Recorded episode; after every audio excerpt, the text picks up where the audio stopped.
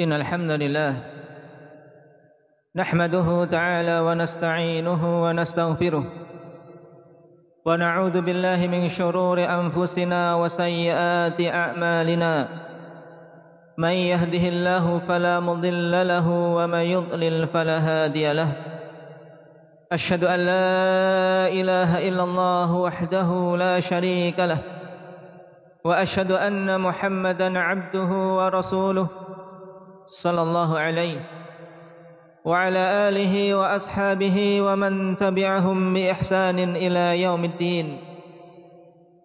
يا أيها الذين آمنوا اتقوا الله حق تقاته ولا تموتن إلا وأنتم مسلمون. يا أيها الناس اتقوا ربكم الذي خلقكم من نفس واحدة وخلق منها زوجها وبث منهما رجالا كثيرا ونساء. واتقوا الله الذي تساءلون به والأرحام. إن الله كان عليكم رقيبا. يا أيها الذين آمنوا اتقوا الله وقولوا قولا سديدا. يصلح لكم أعمالكم ويغفر لكم ذنوبكم. ومن يطع الله ورسوله فقد فاز فوزا عظيما. أما بعد فإن أصدق الحديث كتاب الله وخير الهدي هدي رسول الله صلى الله عليه وسلم وشر الأمور محدثاتها فإن كل محدثة بدعة وكل بدعة ضلالة وكل ضلالة في النار. أعاذنا الله وإياكم من النار. ومن يطع الله ورسوله فقد رشد ومن يعص الله ورسوله فقد غوى إنما توعدون لآت وما أنتم بمعجزين يا أيها الناس عباد الله merupakan wasiat yang hendaknya senantiasa kita mengulang-ulangnya untuk disampaikan satu sama lain yang ini merupakan wasiat dari Allah Subhanahu wa taala kepada generasi awal maupun generasi yang akan datang yaitu wasiat untuk kita semua bertakwa kepadanya. Walaqad wassayna alladziina utul kitaba min qablikum wa iyyakum anittaqullah dan sungguh telah kami wasiatkan kepada orang-orang yang telah diberi Alkitab sebelum kalian dan juga diwasiatkan kepada kalian semua untuk bertakwa kepada Allah Subhanahu wa taala. Perintah untuk bertakwa ya ibadallah yang sangat banyak kita dapati baik dalam Al-Qur'an maupun As-Sunnah yang juga senantiasa diulang-ulang oleh khatib-khatib di dalam mimbar atau di atas mimbar-mimbar mereka. Merupakan perkara yang hendaknya senantiasa kita berusaha untuk mewujudkannya dari hari ke hari dari waktu ke waktu yang kita lalui di dunia ini.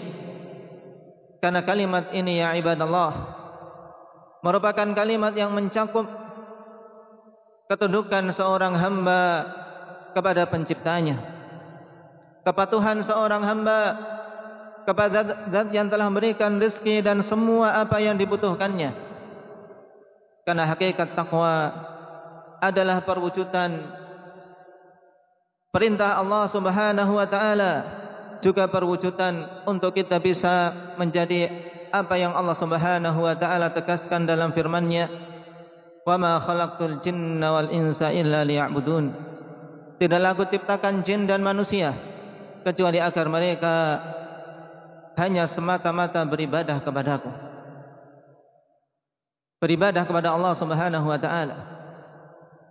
Dengan mematuhi semua perintah-perintahnya menunaikan apa yang Allah Subhanahu wa taala perintahkan dan menjauhi apa-apa yang Allah Subhanahu wa taala larang.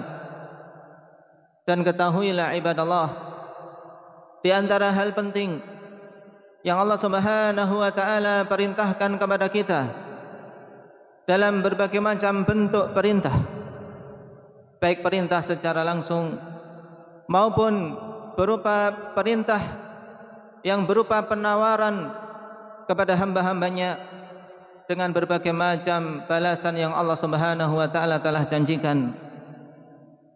Ketahuilah bahwasanya perkara itu adalah doa. Allah Subhanahu wa taala berfirman, "Wa qala rabbukum ud'uni astajib lakum." Rabb kalian telah mengatakan ud'uni, berdoalah kalian kepadaku. Perintah dari Allah Subhanahu wa taala untuk kita semua berdoa kepadanya, memohon kepadanya dan Allah Subhanahu wa taala katakan astajib lakum maka aku akan mengabulkan doa kalian. Demikian pula Allah Subhanahu wa taala telah menegaskan sebagaimana dalam hadis qudsi di mana Rasulullah sallallahu alaihi wasallam telah mengatakan yang zilu rabbuna tabaraka wa taala kulla lailatin hina yamqa thuluthul lailil akhir faqala man yad'uni fa astajib lah al hadith bahwasanya Allah Subhanahu wa taala turun di setiap malam di sepertiga malam yang terakhir turun ke langit dunia dan mengatakan siapa saja yang berdoa kepadaku siapa saja yang meminta kepadaku maka akan aku kabulkan oleh karena itulah ya ibadallah hendaknya ibadah yang agung ini yang merupakan bentuk rasa butuh kita kepada Allah Subhanahu wa taala jangan sampai kita melalaikannya. Jangan sampai kita melupakan tentang pentingnya doa dan keagungan doa. Yang dulu Rasulullah sallallahu alaihi wasallam dalam berbagai macam kondisi baik dalam susah maupun senang baik dalam dalam keadaan lapang maupun genting senantiasa menengadahkan tangannya memohon kepada Allah Subhanahu wa taala kebutuhan-kebutuhannya. Dan di antara doa Rasul sallallahu alaihi wasallam yang hendaknya kita mencontohnya dan senantiasa mengucapkan dalam permintaan-permintaan kita kepada Allah yaitu doa yang diriwayatkan oleh Imam Muslim dari sahabat yang mulia Abdullah bin Umar radhiyallahu anhuma kana min du'ai Rasulullah sallallahu alaihi wasallam Allahumma inni a'udzu bika min zawali ni'matik wa tahawuli 'afiyatik wa fujaati niqmatik wa jami'i sakhatik. Doa yang agung ya ibadallah. Perhatikan tentang apa yang Rasulullah sallallahu alaihi wasallam minta dalam doa ini. Dan sungguh siapa saja yang Allah Subhanahu wa taala berikan empat perkara yang diminta dalam doa tersebut maka sungguh dia orang yang beruntung.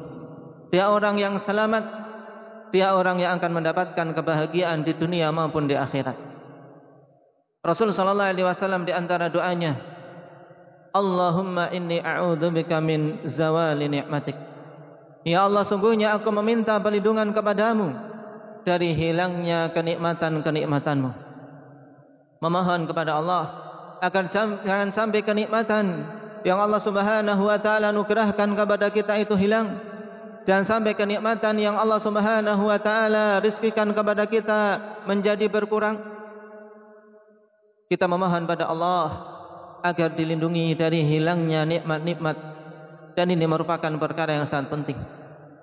Karena nikmat ya ibadallah yang merupakan anugerah dari Allah Subhanahu wa taala tidak akan Allah Subhanahu wa taala cabut kecuali kalau kita mengusahakan dengan tangan-tangan kita sendiri. Allah telah berfirman dzalika bi anna Allah lam yakum mughayyiran ni'matan an'amaha 'ala qaumin hatta yughayyiru ma bi anfusihim. Ya demikian itu dikarenakan Allah Subhanahu wa taala tidaklah akan mengubah suatu nikmat yang diberikan kepada suatu kaum sampai mereka mengubah dengan tangan-tangan mereka sendiri. Makanya ketika kita mendapatkan nikmat-nikmat yang agung, di antaranya nikmatul Islam, demikian pula nikmatus sunnah, demikian pula nikmat-nikmat yang lain, nikmat kesehatan, nikmat rezeki yang lapang, nikmat memiliki keluarga dan keturunan, dan berbagai macam nikmat yang tidak terhitung jumlahnya, maka jangan sampai lupa memohon kepada Allah Subhanahu wa taala agar jangan sampai nikmat-nikmat tersebut hilang. Dan ketahuilah bahwasanya memohon pada Allah untuk dilindungi jangan sampai kenikmatan itu hilang terkandung di dalamnya juga permohonan untuk kita bisa mendapatkan taufik bisa bersyukur mendapatkan taufik untuk bisa menjaganya. Karena di antara sebab terjaganya suatu nikmat adalah kesyukuran. La in syakartum la azidannakum wa la in kafartum inna adzabi lasyadid sungguh bila kalian bersyukur maka aku akan tambahkan nikmatku atas kalian. Dan apabila kalian kufur maka sungguhnya azabku sangatlah pedih. Perhatikan Allah Subhanahu wa taala janjikan ditambahkannya nikmat bagi siapa-siapa yang mampu bersyukur dan Allah Subhanahu wa taala janjikan adab bagi siapa-siapa saja yang kufur terhadap nikmat-nikmat yang telah diberikan. Perkara kedua yang ibadallah yang diminta oleh Rasulullah sallallahu alaihi wasallam dalam doa yang agung tadi wa tahawuli afiyatik. Dan aku memohon perlindungan kepadamu ya Allah dari berubahnya kondisi dari keadaan selamat menjadi celaka dari keadaan seorang mendapatkan nikmat menjadi mendapatkan musibah. Meminta perlindungan kepada Allah dari perubahan-perubahan kondisi dari kondisi dia sehat menjadi sakit.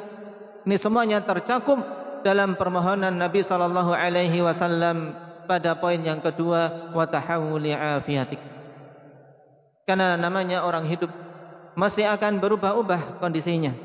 Dan kita memohon pada Allah Subhanahu wa taala agar jangan sampai perubahan yang Allah Subhanahu wa taala berikan kepada kita perubahan yang drastis sehingga yang tadinya dia di atas keselamatan kemudian menjadi orang-orang yang celaka waliyadzubillah dan perubahan yang paling mengerikan perubahan yang paling kita takutkan adalah kondisi berubahnya seorang hamba dari kondisi dia beriman menjadi orang yang kufur. Dari kondisi dia seorang yang berislam menjadi orang-orang yang kafir dari kondisi dia mentauhidkan Allah Subhanahu wa taala menjadi orang-orang yang musyrik demikian pula dari kondisi seorang di atas sunnah kemudian dia berubah melakukan kebid'ahan-kebid'ahan wal iyad billah ini semua perubahan-perubahan kondisi yang kita memohon pada Allah Subhanahu wa taala agar dilindungi dari perubahan-perubahan tersebut ya ibadallah.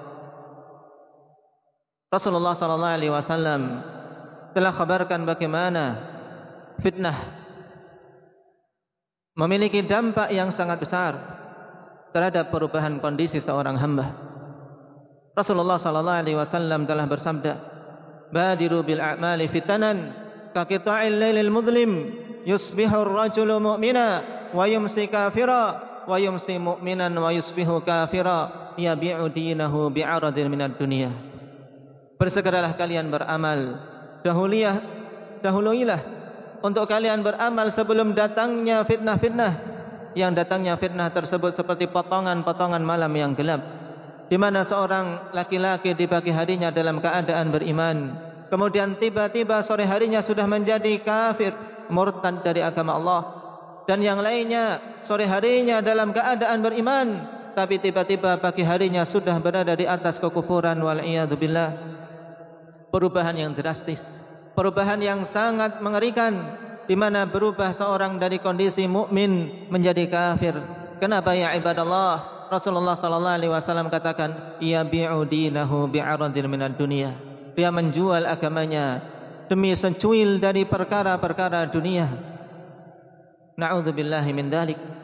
Namun kita semua jangan merasa aman. Jangan merasa aman dari kondisi tersebut ya ibadallah. Karena telah begitu banyak contoh. Begitu banyak mereka-mereka yang kita harus mengambil ibrah dari generasi umat-umat terdahulu. Di mana sebagiannya telah Allah subhanahu wa ta'ala berikan kemuliaan yang besar. Kemuliaan yang besar ya ibadallah akan tapi ternyata dia akhiri kehidupan di atas kekufuran murtad dari agama Allah Subhanahu wa taala wal billah hanya karena sebagian perkara-perkara dunia sebagian yang lain karena wanita. Sebagian yang lain dikarenakan syubhat yang menerpa wal iyad billah.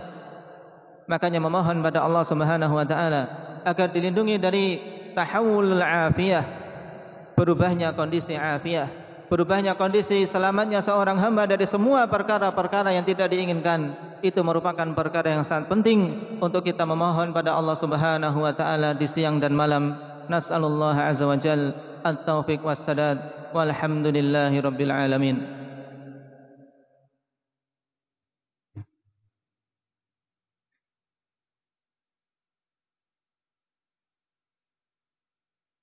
الحمد لله رب العالمين. والعاقبة للمتقين. ولا عدوان إلا على الظالمين. أشهد أن لا إله إلا الله وحده لا شريك له. وأشهد أن محمدا عبده ورسوله. sallallahu alaihi wa ala alihi wa ashabihi wa man tabi'ahum bi يوم ila yaumiddin. Amma ba'd. Ayuhan nas ibadallah. perkara ketiga yang Rasulullah sallallahu alaihi wasallam mohon kepada Allah Subhanahu wa taala dalam doa yang akun tadi yaitu memohon perlindungan dari fujaatin niqamatik dari tiba-tibanya datang hukuman dari Allah Subhanahu wa taala. Memohon perlindungan dari hukuman dari azab yang datang secara tiba-tiba. Karena sungguh ya ibadallah musibah yang datang secara tiba-tiba. Ini akan menjadikan seseorang tidak memiliki peluang tidak memiliki waktu untuk memperbaiki diri tidak memiliki kesempatan untuk bisa bertobat kepada Allah Subhanahu wa taala. Bagaimana tidak dalam kondisi mungkin seorang bermaksiat kemudian datang adab sehingga mati di atas kemaksiatan wal billah dalam kondisi seorang lalai kemudian tiba-tiba datang kematian sehingga dia tidak mampu memperbaiki diri dan bertobat pada Allah Tabaraka wa taala. Dan perkara ini Rasulullah sallallahu alaihi wasallam mencontohkan kepada kita untuk kita memohon perlindungan kepada Allah Subhanahu wa taala jangan sampai tertimpa yang demikian. Allah Subhanahu wa taala telah kabarkan bagaimana cepatnya datang azab dari Allah Subhanahu wa taala apabila Allah Subhanahu wa taala menginginkan.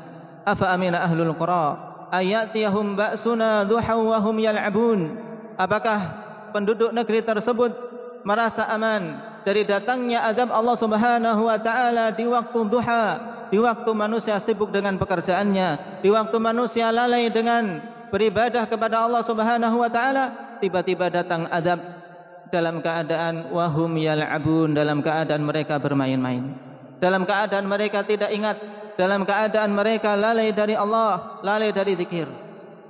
Tentunya kondisi ini kondisi yang sangat mengkhawatirkan.